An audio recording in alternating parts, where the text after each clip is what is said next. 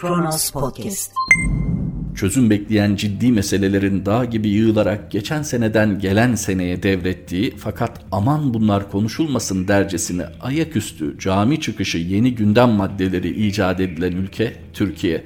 2 Ocak 2021 Cumartesi günün tarihi. Merhaba Kronos Haber'de Kronos gündemle birlikteyiz. Bir adam kaçırma daha mı? Eski Başbakanlık raportörü Küçük Özyiğit kayıp. HDP Kocaeli Milletvekili Ömer Faruk Gergerlioğlu Twitter üzerinden yaptığı paylaşımda yine bir kaçırılma vakası mı? Eski Başbakanlık raportörü KHK'li Hüseyin Galip Küçük Özyiğit'e 29 Aralık Salı gününden beri ulaşılamıyor. Ankara'dan kızlarının yanına Kocaeli'ne yılbaşı için gideceğini telefonda söyledikten sonra haber alınamıyor ifadesini kullandı. Babam Nerede isimli bir Twitter hesabındansa şu bilgiler paylaşıldı. Hüseyin Galip Küçük Özyiğit'in en son 29 Aralık Salı günü saat 15.30-16.30 arasında Ankara Maltepe Camii'nin hemen karşısındaki ofisinden 34 FNF 28 plakalı Mazda 323 araçla Gölbaşı'na doğru hareket ettiği tahmin ediliyor. Özyiğit'in aracı da bulunamıyor. Hesapta yapılan paylaşımda Küçük Özyiğit'in kaybolmasıyla ilgili CİMER'e ve karakola başvuru yapıldığı belirtildi. 2 Ocak Yeni yılın ikinci günü. Birinci gününde Loğusa bir kadının gözaltına alınma girişimi, ikinci gününde ise bir insanın kaçırılma ihtimali. Normalde akla ilk gelecek şık bu olmayabilirdi. Fakat 90'lardan sonra tekrar nükseden bu kaçırma hastalığı özellikle 15 Temmuz'dan sonra insanların aklına doğal olarak bu seçeneği getiriyor. Kaldı ki hali hazırda bir yılın üzerinde bir süredir kendisinden haber alınamayan isimler var maalesef 2021 Türkiye'sinde. Derneklere kayyım yasasıyla tüm toplum susturulmak isteniyor. Sivil toplum örgütlerine kayyım atanmasının önünü açan düzenlemeye itiraz eden Çağdaş Hukukçular Derneği ve Özgürlük İçin Hukukçular Derneği Ankara Şube Başkanları toplumun topyekün vesayet altına alınmasının amaçlandığına dikkat çekti kitle imha silahlarının yayılmasının finansmanının önlenmesine ilişkin kanun teklifi mecliste kabul edilmişti hatırlayacaksınız. Bu önemli başlığın altında bir torba yasa içinde çok farklı alt başlıklar vardı. Bunlardan biri de sivil toplum örgütlerine ve derneklere kayyım atanmasının önünü açan bir düzenlemeydi. O gün de tepkiler dile getirildi. Hali hazırda bu konunun ne kadar kritik bir yere doğru gittiğinin farkında olanlar tepkilerini dile getirmeye devam ediyorlar. Cumhurbaşkanı Erdoğan tarafından düzenlemenin onaylanması halinde hakkında terör kovuşturması başlatılan dernek ve sivil toplum örgütlerinin faaliyetleri geçici süreyle sınırlandırılabilecek, gerekli görülürse yönetimine kayyım atanabilecek. Yasaya karşı tepki gösteren 694 sivil toplum örgütü kanun teklifi anayasaya ve örgütlenme özgürlüğüne aykırıdır derken kanunun veto edilmesi çağrısında bulundu. Çağdaş Hukukçular Derneği Ankara Şube Başkanı Murat Yılmaz da Özgürlük İçin Hukukçular Derneği Ankara Şube Başkanı Şevin Kaya mecliste kabul edilen yasanın amacı ve sonuçlarına ilişkin Mezopotamya Ajansı'ndan Emrullah Acar'a bir değerlendirmede bulunmuş. Kronos Haber'de oradan alıntılayarak paylaşıyor. İktidarın sivil toplum örgütlerini susturmak için yeni bir saldırı başlattığını ifade eden ÇHD Ankara Şube Başkanı Murat Yılmaz, yasanın içeriğinin taşıdığı isim kadar iyi niyetli olmadığını söyledi. Yılmaz meclisten geçirilen yasanın içeriğinin kitle imha silahlarının finansmanının kesilmesiyle bir alakası yok. Amaç kitle imha silahlarının finansmanının engellenmesi. Buna biz de karşı değiliz ama yasanın maddelerine baktığımız zaman Türkiye'de muhalif sivil toplum örgütleri susturulmaya çalışılıyor diye konuştu. ÖHD Ankara Şube Başkanı Şevin Kaya ise yasa tasarısının amacıyla içeriği arasında bir tezatlık olduğuna dikkati çekerek 15 Temmuz darbe girişimi sonrası ilan edilen olağanüstü hal kararnameleriyle onlarca demokratik kitle örgütü kapatıldı. Şimdi de bunu yasal düzenlemelerle yapmak istiyorlar. O hal kalıcılaştırılmak isteniyor. Toplumun topyekün vesayet altına alınması amaçlanıyor dedi. Tehlikenin farkında olanlar, hukuku hala önemseyenler bu yasaya karşı tepkilerini ortaya koyuyorlar. Yasanın ismi dikkat çekici. Vicdan sahipleri tarafından bir itiraz gelmez elbette. Ne diyor yasa? Kitle imha silahlarının yayılmasının finansmanının önlenmesi. Buna itiraz edecek vicdan sahibi var mı? Yok. Ama bununla birlikte torba yasa içinde ki torba yasa AK Parti iktidarında harika kullanışlı bir enstrümana dönüştürüldü. Farklı farklı maddeler var. Onlardan biri de sivil toplum örgütlerine gerekli görüldüğü takdirde kayyım atamasının önünün açılması. Süleyman Soylu İçişleri Bakanı bir takım açıklamalarda bulundu. Hatta bazılarını bizzat arayarak ikna etti. Kovuşturma halinde bir kişi ya da dernek hakkında kovuşturma açıldığında oraya kayyım atayabilmenin önü neden açılıyor? Bu vakte kadar öyle ya da böyle elde edilen bir takım demokratik kazançlar niçin bu kadar kolayca heba ediliyor? Şimdi denilebilir ki güvenlik. Evet bu güvenlikçi yaklaşım bir müddet sonra her şeyi ama her şeyi bakın istisnasız her türlü özgürlüğü ve demokratik kazanımı altında çizelim bir de sivil toplum örgütlenmesi adına bir demokratik kazanımı da kolayca harcayabilir. Nitekim pandemi döneminde dünyanın en önemli tartışma konularından biri de buydu. Güvenlikçi ki toplum sağlığı kimsenin itiraz etmeyeceği bir konu. Bunun için bir takım özgürlüklerin kısıtlanmasına neden bu kadar kolay razı olalım? Öte yandan bu konuda siyasi iradenin iyi niyetli olacağını neden güvenelim? Doğu ve Güneydoğu Anadolu'da özellikle HDP'li belediyelere kayyum atamasında gerçekten her şey dört dörtlük kanuna uygun mu yapıldı yoksa bir oldu bitti miydi? Sözü HDP'ye getirmişken oradan devam edelim. Temelli her türlü siyasal hokkabazlığın sergilendiği süreci yaşıyoruz. HDP Van Milletvekili Sezai Temelli Türkiye'de topluma karşı her türlü siyasal hokkabazlıkla hukuk dışılığın sergilendiği bir sürecin yaşandığını ifade etti.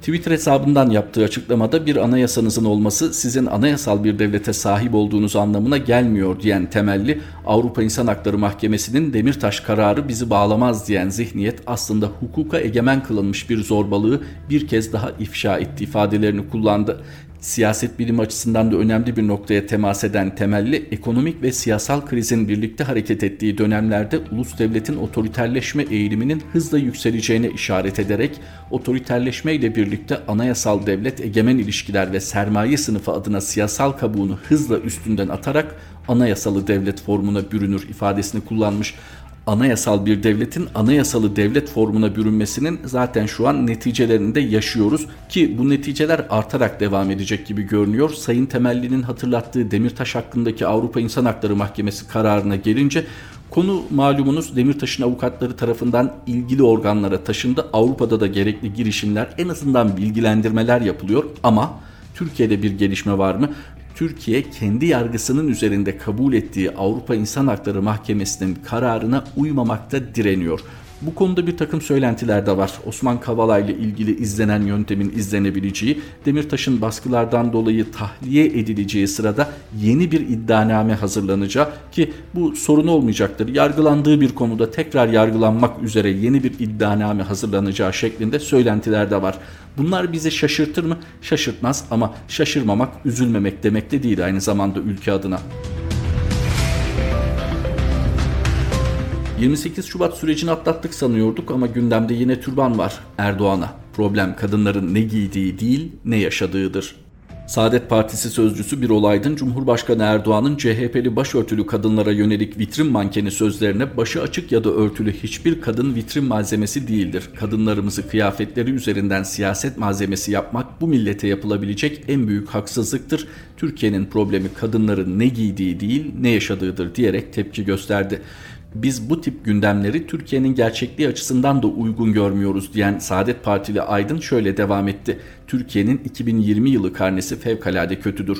Her konuda karşı karşıya kaldığımız kötü tablo apaçık ortadadır. Bu tablo ortadayken bizim esas olarak 2021'de hem ekonomisi hem de demokrasisi güçlenmiş bir Türkiye çabası içinde olmamız gerekiyor. Ancak ne yazık ki Sayın Cumhurbaşkanı'nın böyle bir çabaya vesile olacak ve ülkemizde böyle bir iklimi oluşturmaktan uzak yaklaşımını ve siyasete hakim olan üslubu beğenmiyoruz. Saadet Partili Sayın Birol Aydın'ın açıklaması bu şekildeydi. Sadece Saadet Partisi değil diğer muhalefet partilerinden de tepkiler geldi. Onlardan biri de Deva Partisi'ydi. Babacan da başörtüsü tartışmasına katıldı. Köhne zihniyetli siyasetçiler. Deva Partisi lideri Babacan Twitter hesabından yaptığı paylaşımda bu ülkenin insanlarını kalıplara sokmaya çalışan, fikrine, kıyafetine, diline, yaşam tarzına bakıp yargılayan köhne zihniyetli tüm siyasetçileri kınıyoruz. Kimse kimsenin siyasi malzemesi değildir. Ülkemiz insanlarının hasiyetine hedef almak kimsenin haddi değildir dedi. Sayın Babacan'ın açıklaması da bu şekilde. Ne zaman türban tartışması olsa akıllara tabii ki 28 Şubat geliyor. 28 Şubat sürecinde özgürlükçü bir mücadele verdiğini, demokratik bir mücadele verdiğini düşündüğümüz kimi isimler bugün ilginç bir noktaya savruldular. Bunun adı apaçık savrulma ya da bir mecbur bırakılma. Çünkü o günden baktığınızda bugünü öngörmeniz çok zor. Siz o gün insanların başörtüsü takabilmeleri için mücadele ediyorsunuz. İsteyenlerin başlarını örtebilmeleri için mücadele ediyorsunuz. Bugünse kalkıp kendi partinizden olmayan başörtülü kadınlar için vitrin manken ifadesini kullanabiliyorsunuz. Velev öyle. CHP sizin eminim savunmada iddia edeceğiniz gibi işte geçmişi belli, bu konudaki yaklaşımı belli, türbana bakışı belli diyerek kendinizi savunacaksınız büyük olasılıkla. Ama bakıyoruz bugün insanların kalbini yarmışçasına, o insanların kalbini, zihnini okumuşçasına böyle cümleler kurabiliyorsunuz. Bunun en azından birey bazında incitici olduğunu düşünmüyor musunuz, düşünemiyor musunuz? Siyasetin ya da iktidar mecburiyetinin getirdiği yerde hassasiyetlerin bu kadar törpülendiğini görmek ülke adına cidden çok iç acıtıcı. Gerçekten üzerinde derin derin düşünülmesi gereken bir nokta.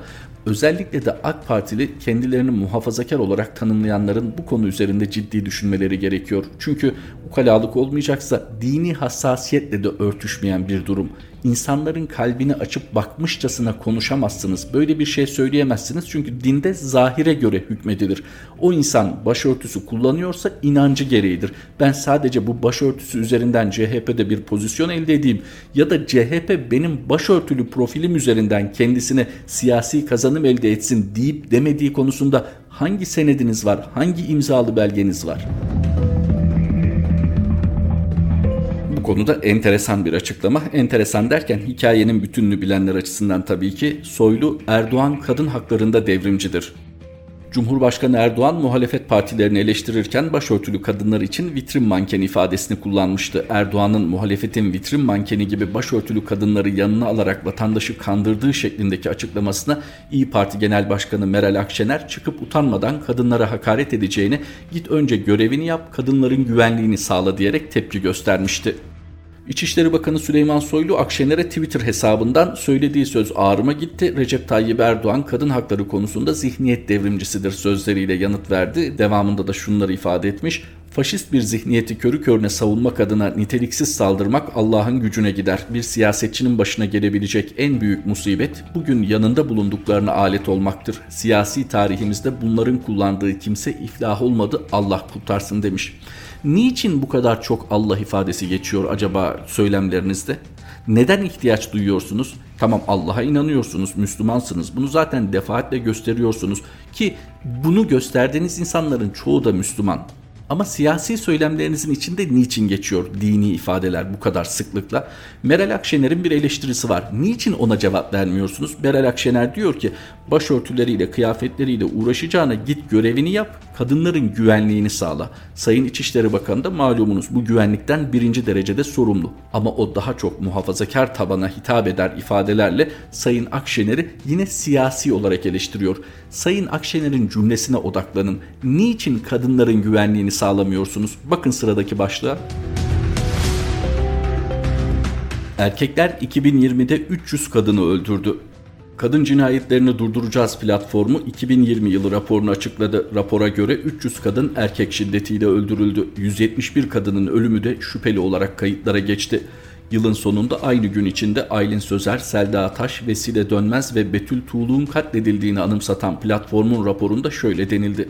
Öldürülen 300 kadından 182'sinin neden öldürüldüğü tespit edilemedi. 22'si ekonomik, 96'sı da boşanmak istemek, barışmayı reddetmek, evlenmeyi reddetmek, ilişkiyi reddetmek gibi kendi hayatına dair karar almak isterken öldürüldü. 182 kadının hangi bahaneyle öldürüldüğünün tespit edilememesi kadına yönelik şiddetin ve kadın cinayetlerinin görünmez kılınmasının bir sonucudur kadın cinayetlerini durduracağız platformunun 2020 raporundan bu ifadeler. Gerek İçişleri Bakanı Süleyman Soylu gerek Cumhurbaşkanı Recep Tayyip Erdoğan bu konularda bu kadar rahat siyasi söylemlerde bulunur ve bunları da İslami motiflerle süslerken neden hemen her gün haberini aldığımız kadına şiddete dönük daha ciddi bir adım atmıyorlar? Ellerinde iktidarları tarafından imzalanmış bir İstanbul Sözleşmesi var. Bunun dahi bunun dahi tam anlamıyla uygulanması ciddi bir mesafe kat ettirecek konuda. Tamam siyasi bir savunmaya alan açalım. Her an herkesi her şeyi kontrol edemeyebilirsiniz. Ama bununla birlikte caydırıcı olma iddiasındaki bir sözleşmeyi uygulamak istememenizdeki ısrar nedendir? ve imzası atılmışken acaba bir takım siyasi kaygılarla mı olsa gerek diye düşündüren bir biçimde neden geri adım atmayı düşünüyorsunuz? Bakın hemen her gün kadınlar ölüyor. Bu ülkede herhangi bir hukuk devletinde olduğu gibi olması gerektiği gibi ceza verecek tek merci mahkemedir. En azından bu ilkenin hayata geçirilmesi için neden siyasi olarak gayret etmiyorsunuz? Sıradaki başlığımız eski başbakan Ahmet Davutoğlu'nun bir açıklamasına ilişkin Davutoğlu Erdoğan ilk turda 50 artı 1'in kendisini tutsak ettiğini görecek. Gelecek Partisi Genel Başkanı Ahmet Davutoğlu bir yılda 23 partinin siyaset hayatına katıldığına dikkati çekerek bu tabloda ilk turda 50 artı 1'i sağlamanın imkansız olduğunu söyledi.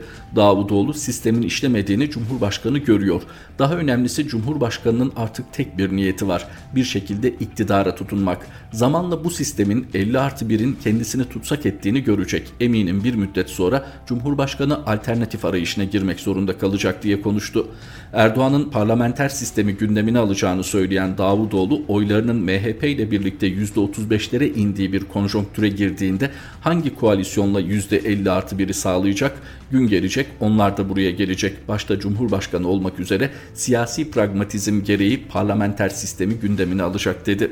Eski Başbakan ve Gelecek Partisi Genel Başkanı Sayın Ahmet Davutoğlu, Cumhurbaşkanı Recep Tayyip Erdoğan'ın şartlar değiştikçe 50 artı 1'e dayalı bu yeni sistemin, Cumhurbaşkanlığı hükümet sisteminin onu köşeye sıkıştırdığını fark edeceğini söylüyor. Aslında özellikle son aylardaki kimi çıkışların reform dahil bu endişeden kaynaklandığı yorumları da yapılıyordu. Bir şekilde MHP'nin ortaklığından kurtulmak istediği de söyleniyordu. Nitekim MHP'nin çok ilginç bir şekilde deneyim deneyimli bir siyasi olmasına rağmen kendisini riske edecek söylemlerle çok üst perdeden konuşan Sayın Devlet Bahçeli'nin de Cumhurbaşkanının bu niyetini sezdiği ve ittifakın bozulmaması için böyle konuştuğu yorumları yapılıyordu aslında olan bitene ana hatlarıyla bakınca çok da haksız bir yorum gibi görünmüyor.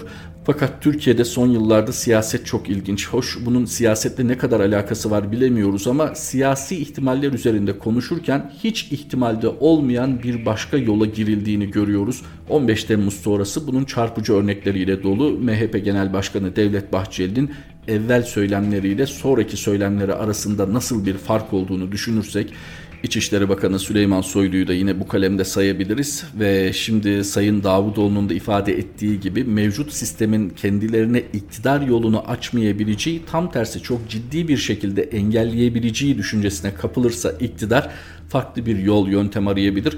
Çünkü AK Parti çoğu muhalifin ifade ettiği gibi iktidara mahkum bir parti. Bir şekilde basına yansımış yansımamış, kamuoyu gündemine gelmiş gelmemiş sırf iddiaları dahi düşünürsek iktidardan inildiği takdirde tabiri caizse bu iş karakolda bitecek.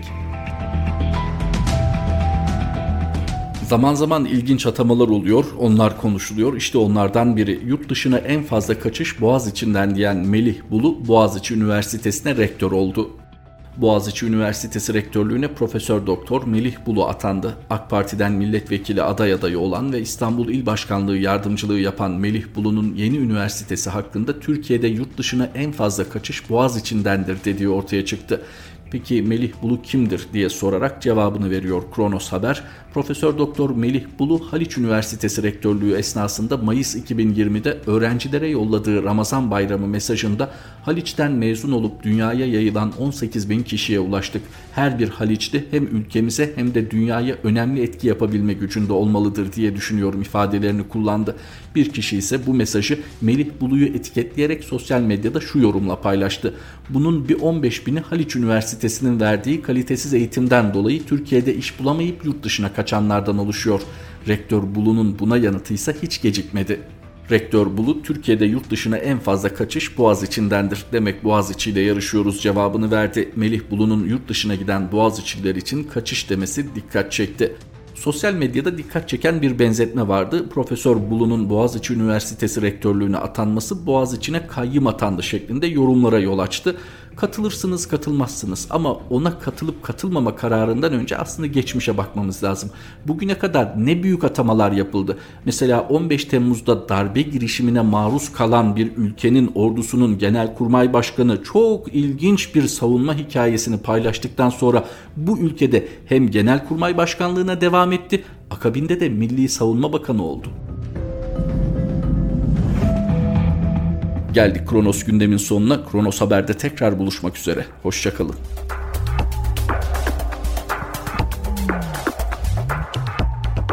Kronos Podcast